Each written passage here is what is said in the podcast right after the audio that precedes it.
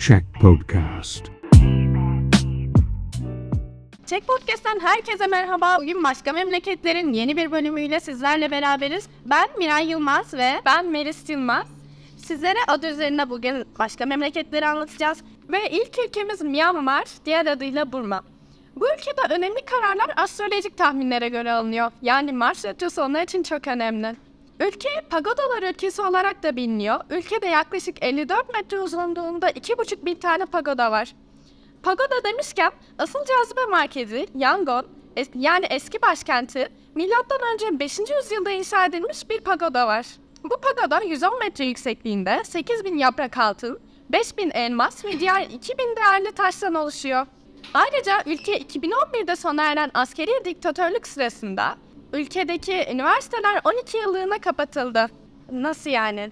Sen YKS'ye hazırlanıyorsun ve 12 yıllığına kapatılıyor mu üniversiteler? Yani biraz öyle olmuş. Ve şimdi sıradaki ülkemiz Demokratik Kongo Cumhuriyeti yani eski adıyla Zaire.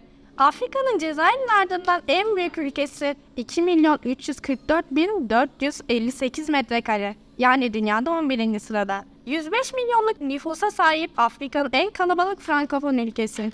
40 metrekarelik sahil şeridiyle Atlas Okyanusu'na bağlanıyor. Soyları 90 bin yıl önce bölgeye yerleşen Afrika pigmelerine dayanıyor.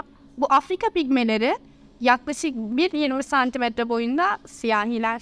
En fazla kadının olduğu Afrika ülke sayıtlardaki en son seçim 2018 yılında yapılmış.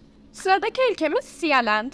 Robert isimli eski bir albay tarafından kurulan bir platform gibi bir şey. Tam olarak ülke olduğu da söylenemez aslında. Sadece iddia ediyor.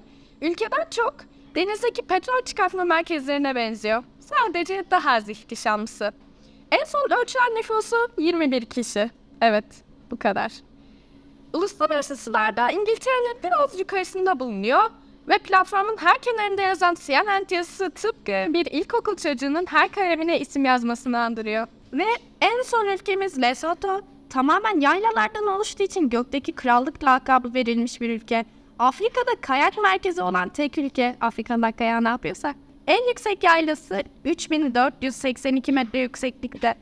Bir sloganları var. Barış, yağmur ve refah. Resmi dili İngilizce ve Sesotho. Sesotho kendi dilleri oluyor. Hiç asfalt yol olmadığı için en popüler ulaşım türlerinden biri Midilli'dir. Yollarda Midilli ile geziyorlar. Nüfusun sadece dörtte biri şehirlerde yaşamakta. Çoğu köylerde ve harabe yerlerde yaşıyor ve yüzde sekseni Hristiyan.